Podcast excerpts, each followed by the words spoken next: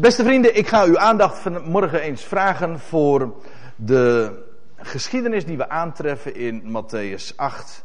En ik heb het als titel meegegeven: de Centuria, Centurio te Capernaum of Kvarnachum. En die, dat dorp is bekend geworden, want dat is wat het letterlijk ook betekent: het dorp van Nahum. Of het de profeet Nahum is, dat staat ter discussie. Maar in elk geval, daar is die naam aan ontleend. Ik zal straks ook trouwens even nog laten zien waar die plaats uh, precies ligt. En de centurio, dat is voor sommigen misschien een wat onbekende naam of een onbekend woord. Maar een centurio, dat is een militaire titel. Een Romeinse militaire rang. Het was een hoge officier. Letterlijk betekent dat een hoofdman over honderd. Goed, in Matthäus 8 treffen we die geschiedenis. En meestal wordt gedacht dat deze geschiedenis identiek is, dezelfde is als die we ook aantreffen in Lucas 7, vers 1 tot 10. En inderdaad vertoont ze zeer grote gelijkenissen. Ook daar is sprake van de hoofdman in Capernaum. Maar als je wat nader naar de tekst kijkt, dan blijkt toch, als u het mij vraagt, ik geef toe dat dit wat omstreden is, want sommigen zeggen dat het echt dezelfde geschiedenis is, maar ik ben inmiddels tot de conclusie gekomen, daar mag u uiteraard anders over denken, u mag over alles anders denken, Uiteraard, ik breng die dingen naar voren die ik zelf gevonden heb in de schrift. Maar ik geloof dus inderdaad dat het gaat om twee verschillende geschiedenissen. En u kunt voor uzelf deze beide geschiedenissen ook lezen. En dan zul je vanzelf ook wel inderdaad zien dat er toch enkele markante verschillen zijn. Die het toch heel uh, onaannemelijk maken dat we inderdaad met eenzelfde verhaal of eenzelfde geschiedenis te maken hebben. Ik bepaal vanmorgen trouwens u bij Matthäus 8. Maar in Matthäus 8, eh, om eventjes een drietal punten te noemen waarin het verschilt. Eh, in Matthäus 8 vindt, plaats, dat wil zeggen de geschiedenis die we vanmorgen onder ogen zullen zien, vindt plaats voor de roeping van de twaalf. Dat wil zeggen voor de roeping van de twaalf discipelen. Dat wordt in Matthäus 10 beschreven. In Lucas 7 is een latere gelegenheid, dat is na de roeping van de twaalf. In Matthäus 8 komt de centurio dus zelf naar Jezus toe. In Lucas 7 komt een Joodse delegatie. Het was een zeer geliefd man. Hij heeft ook een, eh, bij een latere gelegenheid, dus in Lucas 7 lees je, dat hij ook een synagoge had laten maken, daarin laten bouwen in, in Capernaum. En het was een, onder de Joden een zeer populaire man. Nou, dat kon toch van de meeste Romeinen niet gezegd worden. Hij was zeer geliefd. Met name dit punt is wat mij betreft doorslaggevend om inderdaad aan een andere geschiedenis te denken. En dan heb je nog te maken met het punt dat in Matthäus 8 wordt hij, wordt, uh, gaat het over de zoon of over de jongen van de centurio. En in Lucas 7 gaat het over een gewaardeerde slaaf. Dus hoezeer de gelijkenissen ook uh, treffend zijn, het zijn, als het mij vraagt dus, verschillende geschiedenissen. Is dat nou het belangrijkste? Nee, maar ik zeg het dan er toch even bij. En als we dan toch daarover hebben, dan wil ik er nog even één ding bij zeggen. En dat is dat ook de, deze geschiedenis ook niet verward moet worden met een tweetal andere, waar het ook enigszins op lijkt. Namelijk het dochtertje van Jairus. Dat was inderdaad ook een overste. En dat was ook rond het meer van Genezaret. Maar in dat geval was het niet de overste van een, een, een van een peloton of zo, van een, een, groep militairen, maar het was de overste van een synagoge. En dan heb je ook nog in Johannes 4 de geschiedenis van de zoon van de hoveling die ernstig ziek was. En die door de Heer genezen was. Genezen is. Dus dan zie je, een, een, een, zo, noem ik zo, een vier, vijftal geschiedenissen op die gelijkenissen vertonen met elkaar. Waarbij iemand komt vanwege zijn zoon of vanwege zijn dochter die ernstig ziek is. En toch blijkt bij nader inzien het inderdaad om verschillende voorvallen te gaan. Nou, in deze twee gevallen is het helemaal uh, onomstreden en duidelijk.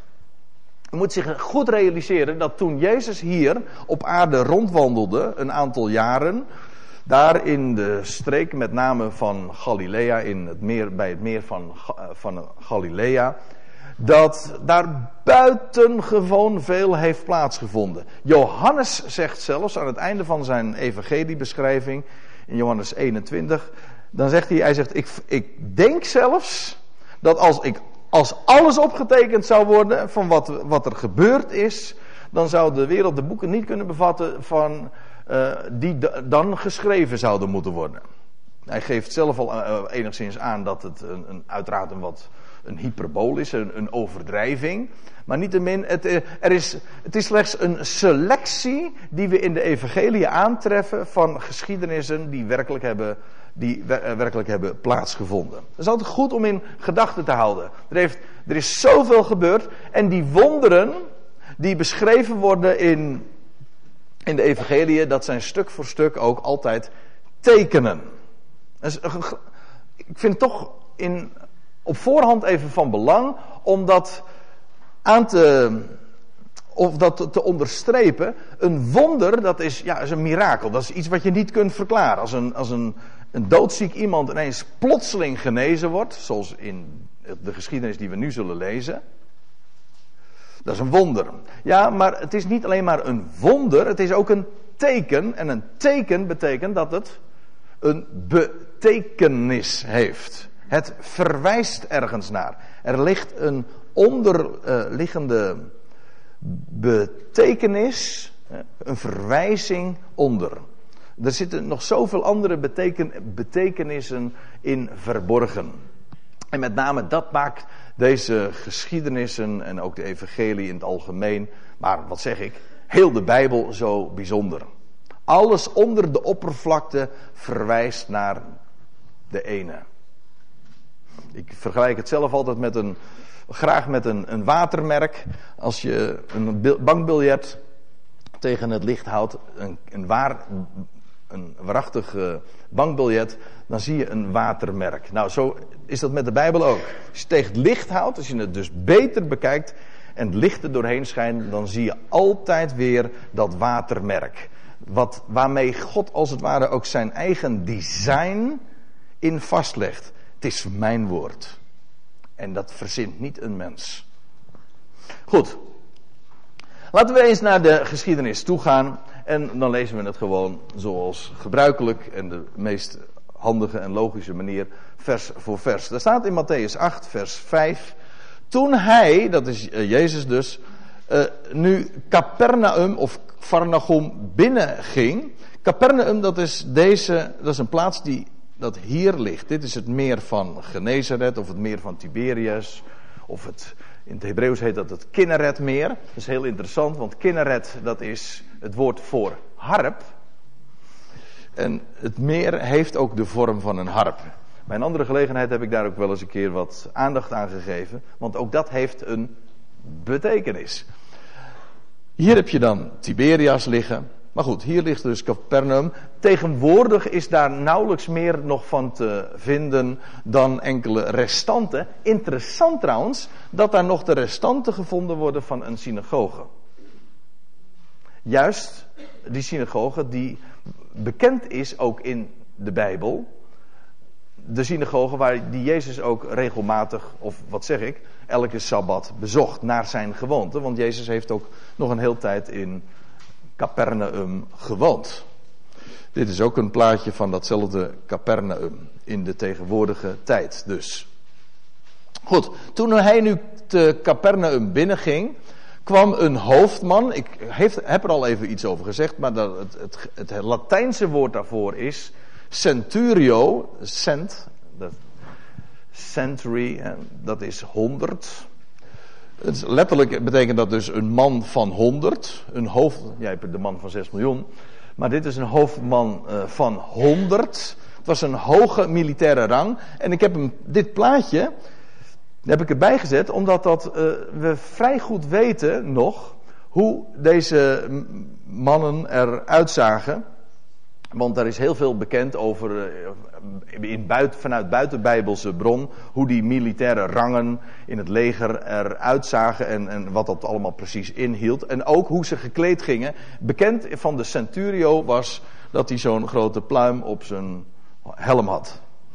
De centurio.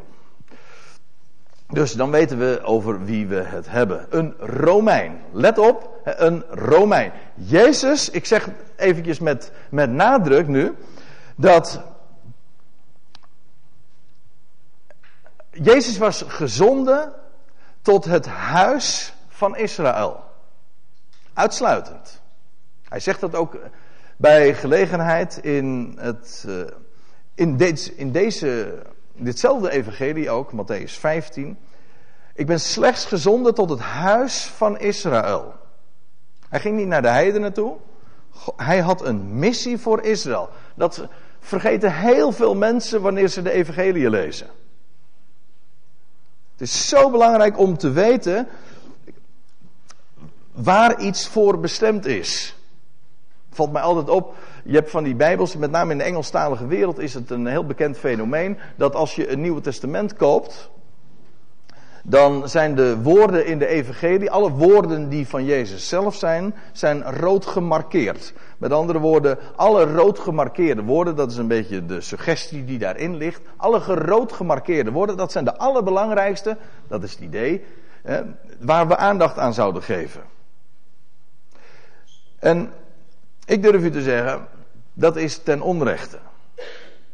Het enige wat je van die rood gemarkeerde woorden kunt zeggen is dat Jezus ze sprak. Maar bedenk dan daarbij dat Jezus sprak tot Israël. En om de woorden die Jezus sprak zomaar lukraak, één op één, van toepassing te brengen op ons, wij, mensen uit de natie, niet-Joden, heidenen, dat is ten onrechte. Er is een boodschap, inderdaad, speciaal voor ons in de Bijbel, maar dan moet u bij een ander iemand wezen. De apostel van de natieën, Paulus, die God heeft geroepen om een boodschap uit te dragen voor de heidenwereld. Dat is de boodschap speciaal voor ons vandaag. Dus als je iets rood wil markeren, juist als om aan te geven, opgelet, dat is voor ons, dan zou je dat moeten doen met de woorden van de apostel Paulus. Nou, dat uh, wil ik dan toch even gezegd hebben. Want ja, ik weet niet wat u allemaal weet van de Bijbel en of wat u er allemaal over wijs is gemaakt, maar het is toch van belang om de Bijbel te lezen in het licht van die uitspraken die ze, waarin ze zichzelf verklaart. De Bijbel verklaart zichzelf. Wel, over de evangelie, over de missie van Jezus is de Bijbel volstrekt helder. Goed, er kwam een hoofdman, daar hebben we het nu dus even over. Een hoofdman, die centurio, tot hem met een bede.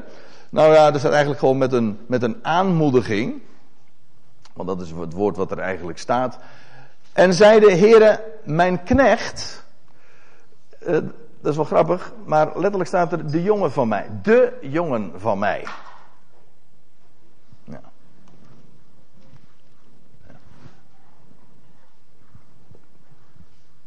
De jongen van mij, ja. Hoe toepasselijk soms. Uh, die. Uh, mijn, mijn knecht, ja.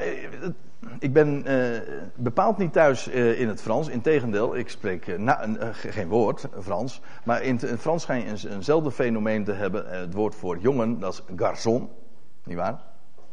Maar dat is eigenlijk. nee, dus, ja, dat is een knecht een, een jongen, bij ons uh, uh, in, in het meer oud-Nederlands, een jongen en een meid, dat had ook vaak de betekenis van een knecht. Dus die, die twee betekenissen liggen soms wat dicht bij elkaar. Maar letterlijk staat hier dus gewoon mijn jongen. Of de jongen van mij. Die ligt thuis, verlamd, met hevige pijn. Ook dat lees je niet trouwens in die andere geschiedenis. Maar hij was dus verlamd met hevige pijnen. En dan lees je in vers 7, hij, dat is Jezus, zei tot hem, zal ik komen en hem genezen? Nou, is het interessant om even dat in, uh, te vergelijken met een andere vertaling. Want als je nou een, een hebt, dan staat er dit. Ik zal komen en hem genezen. Dus zonder vraagteken.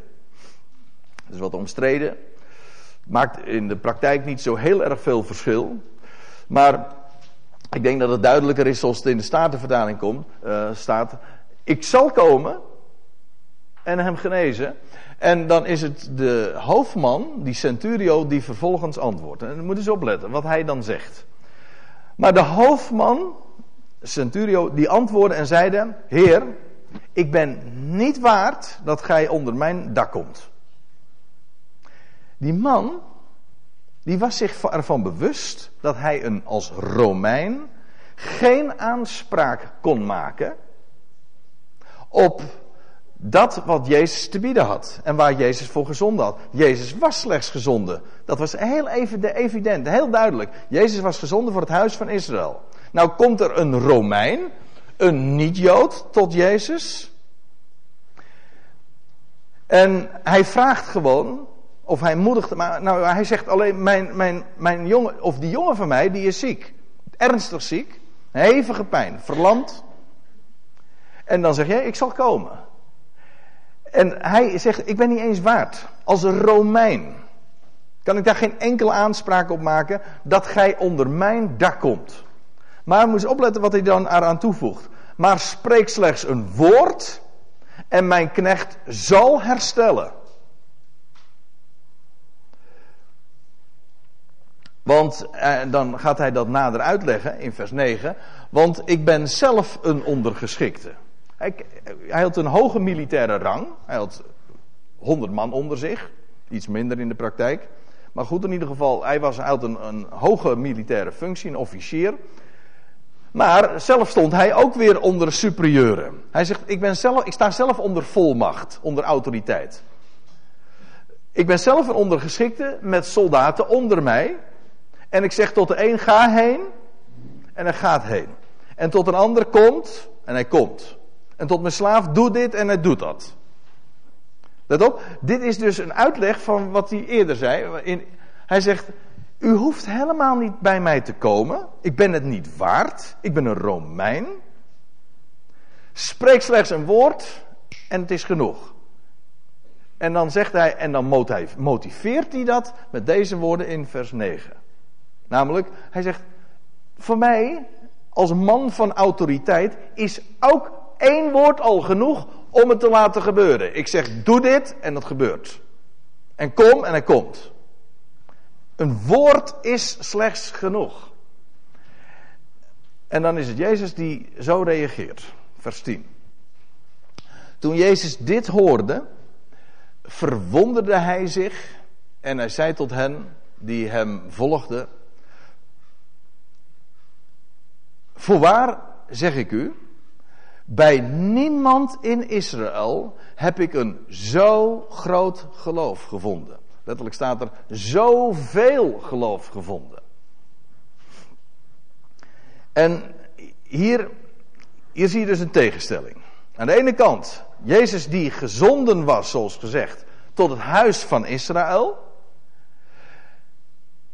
En nou is er iemand die zich bewust is van het feit dat hij als Romein geen aanspraak kon maken op dat waar Jezus voor gezonden was. Terecht trouwens.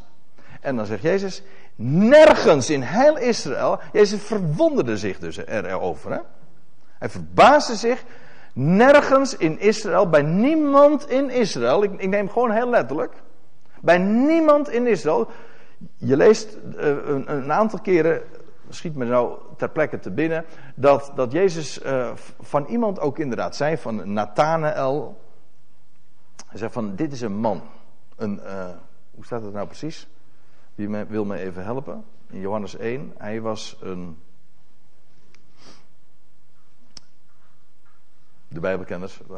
Uh, zie je een rechtvaardig man in Johannes... Hè? Een Israël, ja, dat, is hem. Uh, dankjewel Joke. Gelukkig, er zijn nog, uh, er zijn, de, de Bijbelkenners zijn nog niet uitgestorven.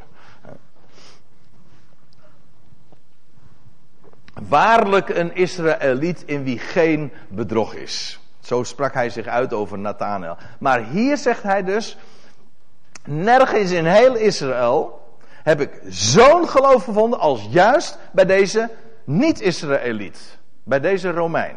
Een man die dus niet godsdienstig was. Niet kerkelijk, zouden wij dan zeggen. Hè? Eventjes vertaald in onze begrippen. Een niet-Jood, niet godsdienstig, maar zoveel geloof. En ik denk bij mezelf, zou die man zich daarvan bewust geweest zijn, van zijn vele geloof?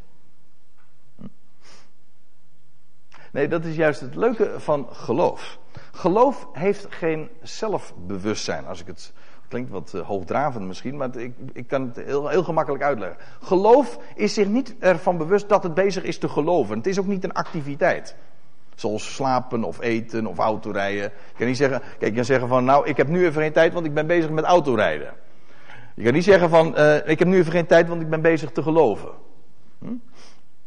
Je voelt allemaal, het is, ik kreeg uh, vorige week nog van iemand een mailtje en die zei van, geloof dat is een, een mindset. Een, een bepaalde, je stelt je vertrouwen op. Geloof is zich niet bewust van zichzelf. Het enige wat deze man wist, ik, van deze Jezus heb ik het te verwachten. Eén, het, wat, we van hem weten en wat, wat van hem beschreven wordt, is dat hij dit zegt. Een woord is slechts genoeg. Hij hoeft niet eens bij mij in huis te komen, want het was altijd namelijk zo. De gebruikelijke gang van zaken was dat als Jezus uh, rondwandelde en in, uh, in dorpen kwam, dan kwamen de mensen bij hem met hun zieken, of soms ging hij inderdaad in iemands huis. En dan raakte hij hen aan, of of hij, legde hen de handen op. Dat was de gebruikelijke gang van zaken. Deze Romein was zich ervan bewust, dat is helemaal niet nodig. Waarom zou Jezus moeten komen en, en de handen moeten opleggen of iets anders? Alsof een woord, al is het op afstand, wat maakt dat uit? Een woord is genoeg voor hem om hem te herstellen. Deze man had, kijk, Jezus zag veel geloof. En wat zag, en die man, ik vind dat van belang om dat vanmorgen eens even heel dik te onderstrepen. Deze man, die zag dat Jezus tot alles in staat was met één woord. En daar waar wij zien op Hem en waar wij alles van Hem verwachten, daar ziet Hij ons geloof. Niet omgekeerd, hè? De vraag is volkomen oninteressant van heb ik wel genoeg geloof? Je leest ook in de evangelie ergens dat de discipelen dat te zeggen van nou, geef ons meer geloof. Alsof het een ding is wat je kan in je broekzak kan steken of zo. En je zegt van als je slechts een, het, het geloof zou hebben, dat is die, zijn antwoord op die vraag. Hè? Geef ons meer geloof. Als je het geloof zou hebben van een mosterdzaadje, het kleinste zaadje uit van de tuinkruiden en van de tuingewassen het geloof van een masterdzaadje, wat je nauwelijks met blote ogen kunt zien. Als je dat geloof zou hebben, hij zegt, dan zou je bergen verzetten. Dat is, dat is wat geloof is. Geloof heeft namelijk niet, heeft geen kracht in zich, maar de kracht van geloof is gelegen in dat wat het gelooft. Dat wil zeggen, in, da, in hem op wie jij zit, op, ja, op, op wie jij mag zien. Deze man die had alle vertrouwen in wat Jezus was, bemachtigd was te doen. En daar waar wij Hem zien, ziet Hij ons geloof. En daar waar wij kijken naar ons eigen geloof, of het ontbreken daarvan, en zeggen ja, er ontbreekt zoveel aan mijn geloof. Dat is. Pardon. Ons geloof is niet een voorwerp waar wij onze aandacht aan zouden geven. Onze aandacht in heel de Bijbel wordt gericht, alles in de Bijbel wijst naar Hem. En wat Hij gesproken heeft, wat Hij bij machten is te doen, wat Hij zal doen, en daar waar wij een hoge pet op hebben van wat Hij bemachten is te doen, dat is geloof. En op het moment dat je weer gaat navelstaren, dan heb ik wel genoeg geloof, en, of ik heb zoveel geloof. Deze man had, een, hij had veel geloof, maar in werkelijkheid voor zijn eigen beleving, hij, hij verwachtte veel van Jezus. En daar waar wij veel van hem verwachten, daar ziet hij ons geloof. Nu wil ik nog iets zeggen hierover. Want we lezen in de Bijbel, of in de Evangelie, twee keer dat Jezus uitspreekt zich uitspreekt over, het over een groot geloof. Dat is bij deze gelegenheid van deze centurio. En nog een keer. Nou, ga, ga ik nog eens een vraag stellen. Wat denkt u? Wel, die weet ik toevallig wel.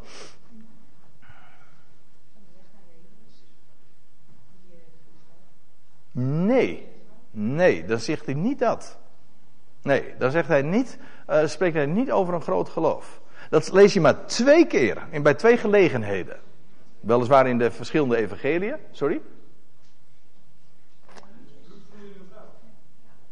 Nee, ja, dat is het voorbeeld wat Adrie ook al gaf. Maar nee, dat is het niet, daar vind je het niet.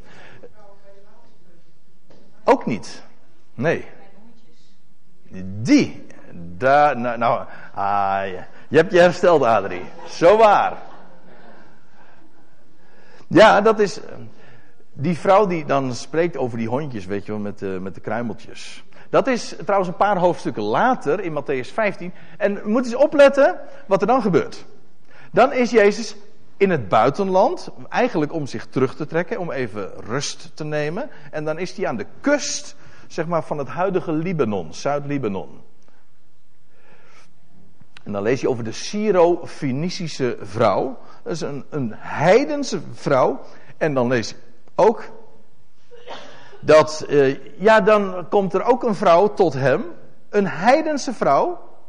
En die zegt ook tegen hem, die vraagt ook om hulp. En dan zegt Jezus, nee, ik ben, dan, we hadden het er al eerder over. Dan zegt hij, nee, hij zegt, ik ben slechts gezonden, dat is mijn missie, ik ben slechts gezonden tot het huis van Israël. En het is niet goed, zegt hij er dan nog bij, om het brood van de kinderen, om dat zomaar aan de hondjes te geven. Nee, uh, aan. Ja, aan, aan, de honden te geven. Ja, ja, precies. Om het brood der kinderen aan de honden te geven. Dat is niet goed. Dat is bestemd voor de kinderen. En dan zegt, en dan zegt die vrouw.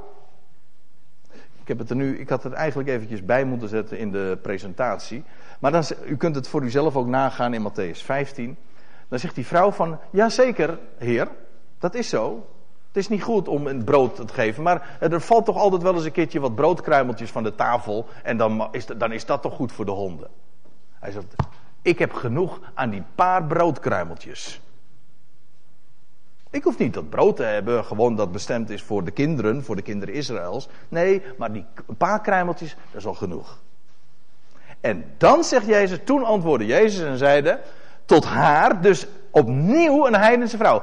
Twee keer in de Bijbel vinden we dat Jezus zich uitspreekt op een soortgelijke wijze. En in beide gevallen betreft het een heidense, betreft heidense mensen.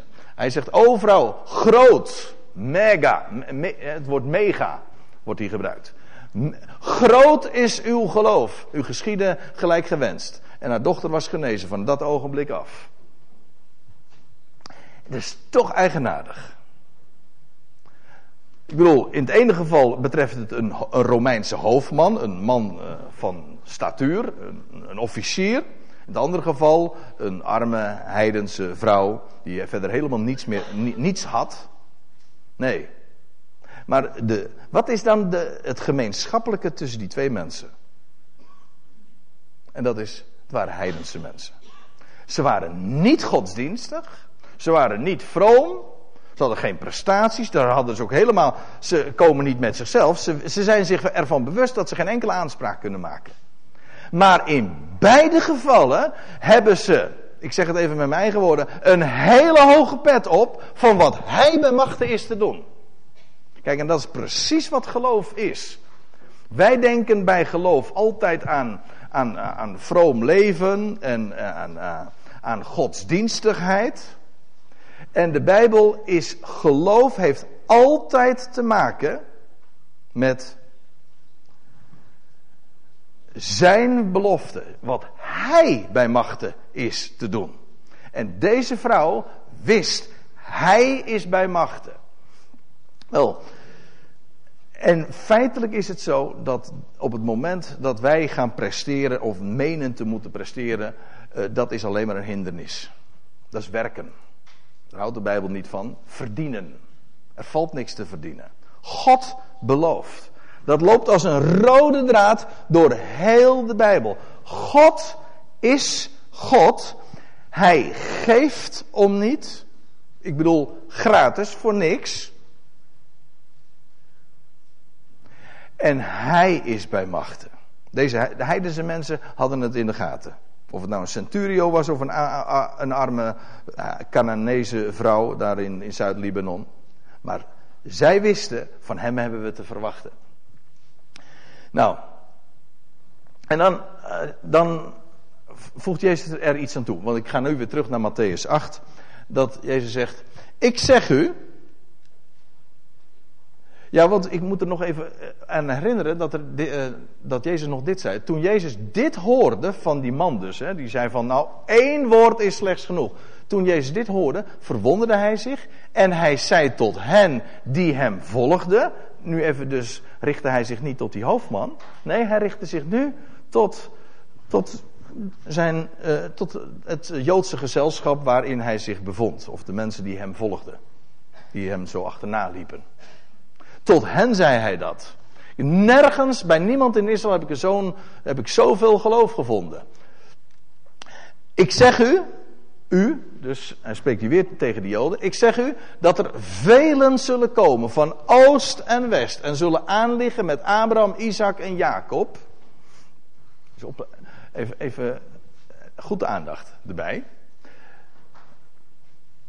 Abraham, Isaac, Jacob, waar herinner uh, deze namen ons aan? Aan de belofte die God had gegeven. Zowel Abraham als Isaac als Jacob, die leefden honderden jaren voordat God aan Israël de wet had gegeven. Ze leefden dus zonder wet. Maar wat hadden ze wel op zak? De belofte van God. God had gezegd: door jullie nageslacht ga, ga ik alle volkeren van de aarde zegenen. Alle volkeren. Dat was een onvoorwaardelijke belofte. En met alle lek en gebrek die deze mensen aan de dag hebben gelegd, zowel van Abraham als van Isaac als van Jacob, nou met name als ik aan deze laatste figuur denk, denk ik van nou die heeft ook toch heel veel geprobeerd om weer zelf te regelen en zo. Maar dat is zo typisch menselijk. Maar God had gewoon zijn belofte gegeven. En er valt niks te verdienen. Maar ja, deze mensen die leefden uit geloof. En nou zegt Jezus tegen die, die Joodse toehoorders, die hij nu direct dus aanspreekt. Ik zeg u dat er velen straks zullen komen, van oost en west, zullen aanliggen. Waar heeft hij het over?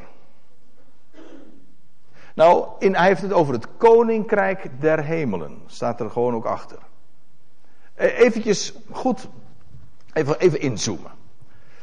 Moet, moet je weten, anders begrijp je, begrijp je dit stuk in de evangelie niet. Eh, de Joden die leefden in de verwachting, terecht, dat was namelijk ook wat de profeten hadden gezegd. De Messias straks, zal straks komen. En als de Messias, de aangekondigde profeet, de gezalfde, zal komen, dan zal Israël worden hersteld in het land. En dan zal hij regeren in Jeruzalem. En dan zal hij een wereldwijd koninkrijk gaan vestigen. En vanuit Sion, vanuit Jeruzalem gaan regeren. Dan zal er ook een opstanding plaatsvinden. Dat wil zeggen van al die mensen die gestorven zijn. En Abraham, Isaac en Jacob bijvoorbeeld. Zullen dat van de hemelse kant ook beleven. Dat koninkrijk der hemelen. Let op. Het is het, het is het koninkrijk der hemelen.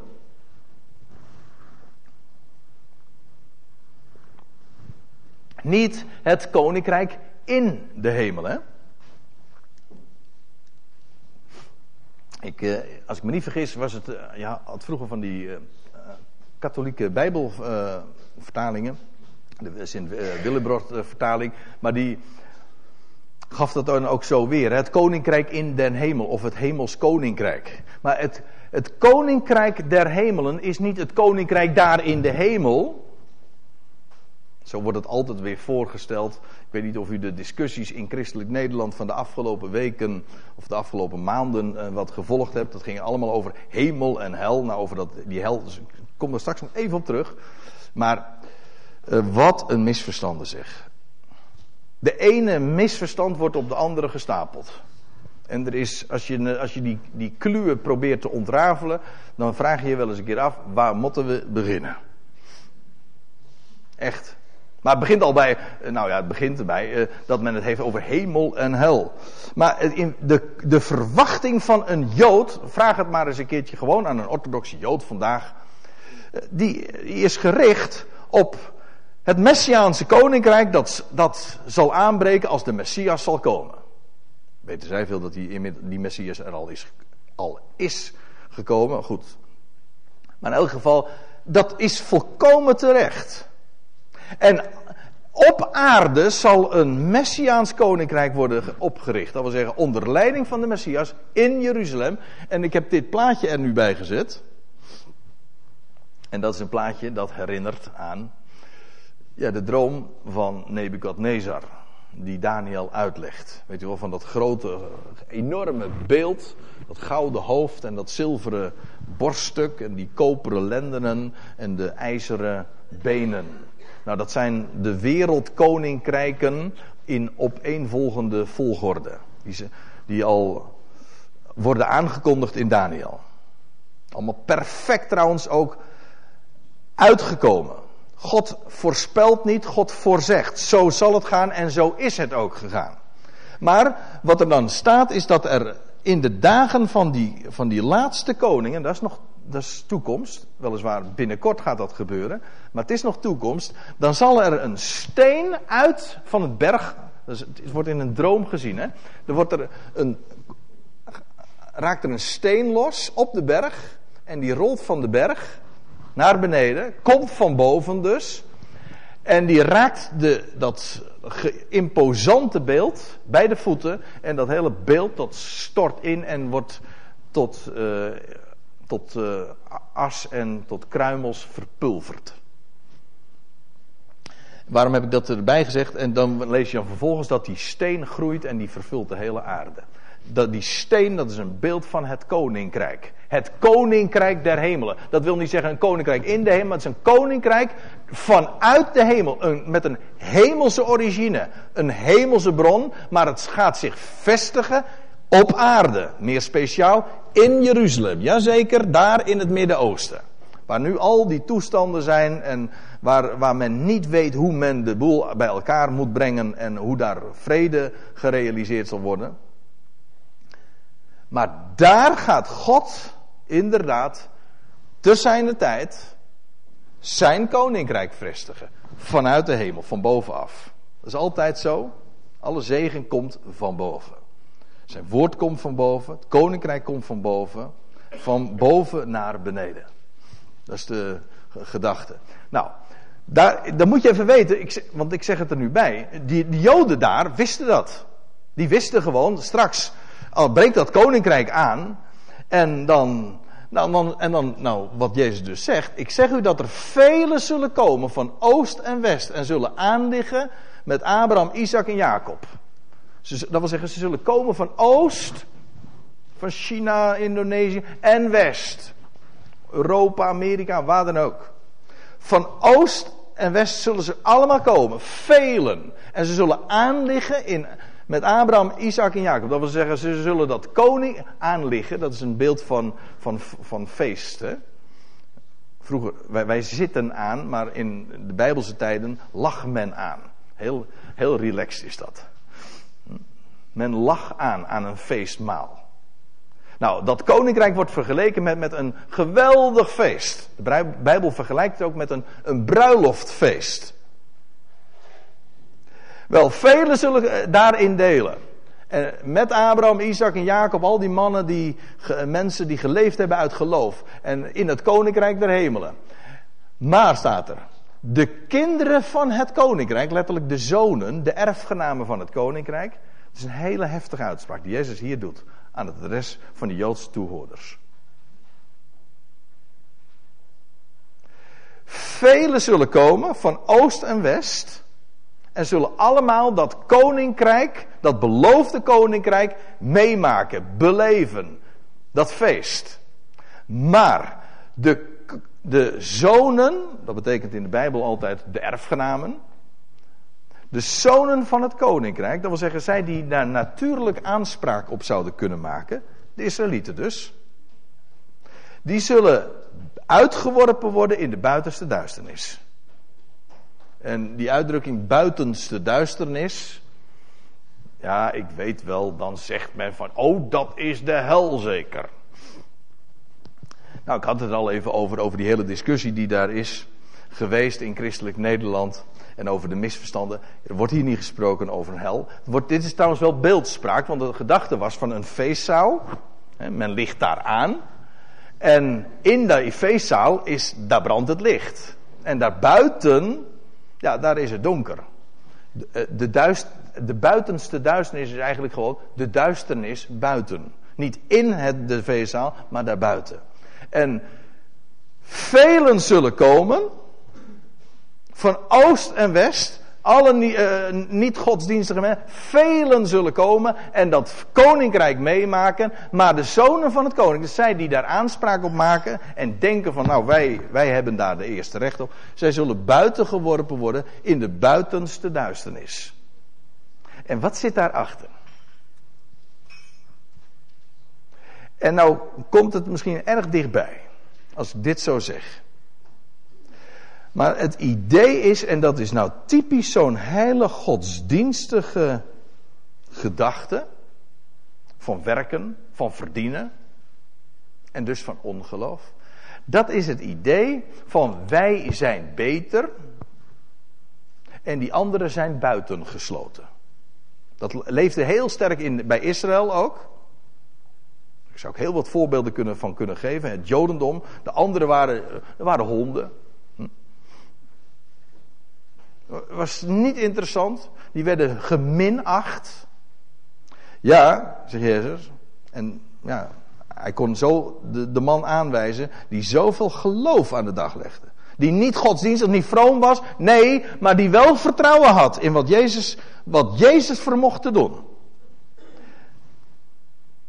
En die, maar die godsdienstige instelling, wat is daar zo karakteristiek aan? Dat is dat men anderen buitensluit. Men denkt zelf beter te zijn en die anderen, men denkt exclusief. Dat noemt men ook, als, als instelling noemt men dat exclusivisme. Anderen, ex betekent buiten, clusief betekent eigenlijk sluiten. Hè? Buitensluiten. Anderen worden buitengesloten. En ik denk dan, waar heb ik dat meer gehoord? Want je kan natuurlijk zeggen, ja, dat waren die lui daar in de synagoge. Maar dan zeg ik van, is het vandaag anders? Ook dat volk dat zich de zonen van het koninkrijk waant. Het christelijk volk. Dat zich trouwens ook uh, Israël waant. Dat heeft hele diepe theologische wortels hoor. Dat men dat ook denkt. Nou, men heeft in ieder geval ook diezelfde mindset, diezelfde gedachten, diezelfde misverstanden. Dat zelfs dramatische misverstand heeft men ook overgenomen. Namelijk dat exclusieve. En zeggen we bij, van een voorrecht heeft men een alleenrecht gemaakt. En nou gaan we het even hebben over, over de boodschap die in onze dagen zou klinken. Dat is die boodschap waar ik het over had. Hè? De boodschap die de apostel Paulus heeft verkondigd in de heidenwereld. En wat was die boodschap? Wel, dat was de genade Gods die reddend is verschenen aan alle mensen. En dat er een God is die niet alleen de schepper is van deze wereld, maar ook de redder is van deze wereld. De redder van alle mensen. Speciaal van hen die dat mogen, geloven. mogen geloven. Wat is daar een verdienste aan? Nou, is helemaal geen verdienste. Het is gewoon geweldig als je God zo mag kennen. Vertel het maar. Er zijn zoveel mensen die, die, die ook daar zo schreeuwend behoefte hebben aan een, aan een God. Aan het besef dat er iemand is die, die alles beschikt. Bij wie nooit iets misgaat en die alles daar gaat brengen waar het hebben wil. En wat hebben we ervan gemaakt? We hebben daar van zo'n machtig evangelie hebben we iets, een, een, een boodschap gemaakt in zijn tegendeel verkeerd, waarbij anderen buiten gesloten zijn. Hemel en hel. Wij die geloven, wij hebben gekozen voor Jezus en de rest die brandt allemaal in de hel. Zegt men met droge ogen en met doodserieus. En dat heet dan evangelie. En dat is zelfs, de hele wereld weet dat toch. vraag maar eens een keertje over wat, over wat men over christenen weet. Dan zeggen van nou ja, dat zijn mensen die, uh, die geloven dus dat ze. Ja, zij hebben voor Jezus gekozen, of wat voor, hoe men dat dan ook formuleert. En uh, ja, als je niet voor Jezus kiest, dan, dan ga je naar de hel. Dat weten we allemaal. Dat wordt er allemaal nu wat water bij de wijn gedaan, want men, kan er men komt er niet meer uit, men is er verlegen mee. Maar wat een tragedie. Een boodschap zo rijk. Men sloot anderen uit. Maar de clue is, en dat is wat Jezus hier tegen deze Joodse mensen zegt: jullie sluiten andere mensen uit. Maar de praktijk zal zijn dat jullie straks bij dat koninkrijk zelf buitengesloten worden. U zegt: is God dan niet hun redder? Ja, natuurlijk wel. Maar zij denken dan in, dat, in die toekomende aion daarin te delen. En dat zal niet het geval zijn. Er zullen velen zijn. Er is ook een, zo'n zo, zo groot misverstand. Als we de boodschap van de apostel Paulus vertellen. Dan, zeggen ze, dan, dan denkt men van dat wij zouden. Wij. Als we dat goede bericht vertellen. Dat we, dat we zouden ontkennen dat daar ook oordeel en gericht zou zijn. Nou, echt niet het is niet zo dat die toekomende eeuw beërfd zal worden door Jan en Alleman. De, weet u wie buitengesloten worden? Dat zijn juist zij die anderen buitensluiten. Dat is confronterend geweest. Wat Jezus gewoon recht in het gezicht van die Joodse mensen heeft gezegd. Er was iemand die zij buitensloten en op wie zij neerkeken en zeggen van jullie zullen zelf die toekomende eeuw niet eens beleven. En jullie zullen buiten staan. Dat feest zullen jullie niet meemaken. Uiteraard. Uiteindelijk gaat God alle dingen red, uh, redden. In een ander verband, in een parallel gedeelte lees je. Vele eersten, we kennen hem allemaal, hè, zullen de laatste worden. Het is niet, ook die worden, de laatste, worden niet buiten gesloten, maar het is wel zo die weer achteraan aansluit. Zij dachten de eerste zijn, en in werkelijkheid, maar men zal tot de laatste behoren. En vele laatsten, waarvan men dacht dat ze geen deel zouden hebben, die zullen juist voorrang genieten. Een complete omkering dus. Ja. Nou, dat is wat Jezus zo recht in het gezicht van deze mensen zei. Die anderen buitensloten, ze zullen zelfs uit, uitgeworpen worden. Buiten de, daar zal het geween zijn en het tandengeknars. Nou, nou ga ik. Ja, dan wil ik daar toch, toch even over, wat over vertellen. Hè? Want wat denkt u? Ik heb altijd gedacht, of het is me altijd ook zo verteld, uh, dat, dat tandengeknars, dat dat te maken zou hebben. Met? Ja, met de hel. Uh, nou, dat, gek hè? Men praat, ik, ik, wil dat toch even zeggen. Eh, voor, een aantal van u, misschien wel voor het merendeel van u is dat bekend. Maar ik weet, daar zitten hier mensen die die dat niet weten. Laat ik u dan dit zeggen. De Bijbel spreekt nooit over de hel. Dat wil zeggen de schrift. De schrift spreekt over Gehenna, dat is een dal van Hinnom. Dat is een totaal ander verhaal. De Bijbel kent geen hel. Ik weet, dat is. Was, was heel leuk, hè? Even tussendoor. Er, was, er, was er vond een debat plaats, dus. Ik had het over die, discussie in christelijk Nederland. Er vond een debat plaats. Uh, twee weken geleden in Utrecht. En uh, ja, er mochten allemaal sprekers zo hun licht laten schijnen. Uh, op dat onderwerp. Maar alle sprekers hadden, waren het er in ieder geval met elkaar over eens. Er was wel een hel. Wat een valse binnenkomst al. Dus iedereen, ze mochten allemaal wel verschillende verhaaltjes vertellen. Verhaaltjes, echt. Gewoon uit de duim gezogen. En het is gewoon blasfemisch. Het hele idee van een hel is gewoon godslastering. Want het, het maakt God een demon. God is de God die, zoals we in ons gebed nog ook uitspraken, de God die nooit laat varen het werk van zijn handen. Het hele idee van hel, het is, het is mythologie. En van een concreet dal van Hinnom, waar de Bijbel inderdaad over spreekt. De Bijbel spreekt over oordeel en gericht, daar moet je niet gering over denken. Want hier zegt de Heer Jezus dat ook. Gewoon met naam en toenaam. Maar het idee van een hel. Kom zeg. Vreselijk. Echt God onterend. Ik weet, op het moment dat je zulke dingen zegt, dan plaats je je buiten het christendom en dan zeg ik van halleluja. Ja. Maar, want ik moet zeggen, ik heb heel wat meer fiducie en heel wat meer vertrouwen in mensen die juist hierom afgehaakt zijn.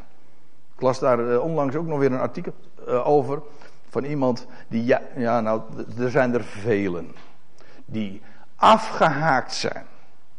Gewoon op het idee van een hel. Als ik niet kies voor Jezus, dan ga ik naar de hel. En weet u wat ze je proberen wijs te maken? Als je niet de hel, als je niet de hel predikt, ja, dan, dan heb je geen, geen, geen stok achter de deur om mensen te bewegen tot geloof. Wat een omkering. Wat een omkering. Of we spreken van de God zoals hij zich voorstelt, van de God van de belofte, de God van trouw. Daarop zouden we spreken, over spreken. Daarop zouden we wijzen. Goed. Ja, u zegt, eh, nou zit ik, eh, ik ben een beetje ver van, eh, van mijn commentaar nou verwijderd. Want, maar goed, het was even een, een uitstapje, zeg maar. Daar zal het geween zijn en tandengeknars. Dat tandengeknars wordt altijd geassocieerd met pijn. Ja? Tandengeknarsen van pijn. Zoek het op in een, in een concordantie. Nergens zul je dat vinden. Tanden, ik, heb, ik heb het opgezocht. Er zijn ook uh, varianten natuurlijk. Maar ik, ik heb het eens een keertje opgezocht bij tandenknarsen. Zelfs gewoon als. Uh, kijk maar eens een keertje naar tandenknarsen.nl. Ja, je hebt er overal een. Uh, je hebt mensen die daar in de nacht erg veel last van hebben. Of een partner. Er zijn verschillende varianten natuurlijk, dat weet ik ook wel. Maar in het algemeen zegt men, dat, dat heb ik op een website, uh, uh, las ik dat zo van. In het algemeen heeft het te maken met frustratie en woede die ingehouden is. Zo wordt het psychologisch verklaard. Maar de, daar, waarom zeg ik dat? Wel omdat dat precies ook is wat de Bijbel erover zegt. Je vindt heel vaak dat er over knersing van tanden. Moet je eens opletten. Het heeft inderdaad met frustratie en woeden eh, even de context. De context is al helder. Namelijk, er wordt gesproken om mensen die dachten in de feestzaal te komen, die worden buitengesloten. En mensen waarvan zij, waar, waar zij op neergekeken hadden, die, waarvan zij dachten die zijn buiten, die zullen inkomen. Kunt u zich voorstellen dat dat zo eh, frustrerend is en dat ze woedend zijn en dat is precies wat de Bijbel zegt, dat is dat tandenknarsen. Heeft niet te maken met pijn. Het heeft te maken met woede. Ik zal een paar voorbeelden geven. Job 16. Zijn toren verscheurt en bestookt mij. het gaat niet om het verband, het gaat me even om te laten zien mijn, mijn statement. Zijn toren verscheurt en bestookt mij. Hij knerst met zijn tanden tegen mij. Mijn tegenstander scherpt zijn ogen tegen mij. Hier, zijn toren. Daar heeft het mee te maken. Ik zal nog een voorbeeld geven. Klaagliederen 2. Tegen u sperren honend de mond uh, open. Al uw vijanden, ze fluiten en ze knersen de tanden. Vijandschap, toren, woede. Ah. Dat. Ah. Hij denkt. Ik ben er weer hoor. ja, hij kwam vanmorgen naar me toe. Hij zei: Ik ben er weer hoor. Maar goed, uh, ze knersen de tanden van woede. Uh, een hele duidelijke is de geschiedenis van de steniging van Stefanus. Dat ze ook, waarbij Stefanus hen ook strimmende dingen heeft verteld. Vanwege ook dat buitensluitende trouwens. En, maar dan lees je, toen ze dit hoorden, dus die, die toespraak van Stefanus, sneed het hun door hun hart en ze knersten de tanden tegen hem. Woede. Dus dat hele idee wat mij altijd is verteld van ja, knersing van tanden, dan kom je in de, dan kom je in de hel. En dat komt nooit meer een eind aan. Er is zoveel pijn, zoveel foltering. En daar is die knersing van tanden. Mythologie. Niet alleen hel, maar ook de hele idee wat men daaraan koppelt van knersing van tanden. Het is de frustratie van hen die dachten binnen te zijn, maar in werkelijkheid hadden ze zelf geen deel aan. Waarom? Omdat ze anderen buitensloten. Dat is wat God zeer ernstig neemt. God sluit niet uit, hij sluit in. Goed. Nou, en dan komen we bij het eind, en, want ik zie dat het inmiddels ook voor mij tijd wordt. Maar het laatste vers van Matthäus 8, want nu zijn we gewoon weer terug. Dus in die geschiedenis ook van die hoofdman, van die centurio. En Jezus zei tot die hoofdman: Ga heen. Dus niet, hij, hij hoeft er niet daarheen te gaan. Ga heen, u geschieden naar uw geloof. Wat had, Jezus, wat had die man gezegd? Een woord is al genoeg. U hoeft helemaal niet bij me binnen te komen. Een woord is al genoeg. En dan zegt Jezus, u geschieden naar uw geloof. Wat je van mij verwachtte, dat gebeurt nooit. Kan het geloof te veel verwachten. En dat geldt trouwens ook in de praktijk hoor. Niet alleen voor het grote geheel, maar ook in je leven. Als daar gebrek is, als er moeite zijn. Als er dingen zijn waarvan je, waar, waarbij je het inderdaad van Hem hebt te verwachten, kijk naar Hem. Verwacht het niet van jezelf. Probeer niet, verbeeld je ook niks. Dat was juist waar het hier in dit gedeelte over ging. De Joden, de godsdienstige mensen, bijna, verbeelden zich zoveel. En ze moeten zo godsdienstig zijn. Houd toch op, mensen. Hij doet het. Ik, ik, ik weet dat veel mensen ook over deze samenkomst zeggen van ja, het is allemaal zo makkelijk. Er wordt alleen maar verteld over Gods belofte. Ik, ga, ik hoop er tot, tot mijn laatste snik mee door te gaan. Alleen te wijzen op wie Hij is en wat Hij geeft en wat Hij belooft. En hou je oog alleen nou maar gewoon gericht op Hem en je zal nooit bedrogen uitkomen. En mensen zeggen van ja, dat is maar makkelijk. Geloof alleen. Ja, geloof alleen. En men weet het wel hoor, want er is een, je kan het ook in op zijn Latijn zeggen, sola fide. Dat betekent? Dat was een van de steunpunten van de Reformatie. Maar hoe gauw is men het vergeten? Sola fide. Sola scriptura, alleen de schrift, maar ook sola fide of fide. Alleen geloof, inderdaad. Want alleen van Hem hebben we te verwachten. Niet van onze probeersels, niet van onze vroomheid. Het legt geen enkel gewicht in de zaal. Kijk naar Hem. U geschieden naar uw geloof. Ik stel voor dat we nog een lied zingen met elkaar.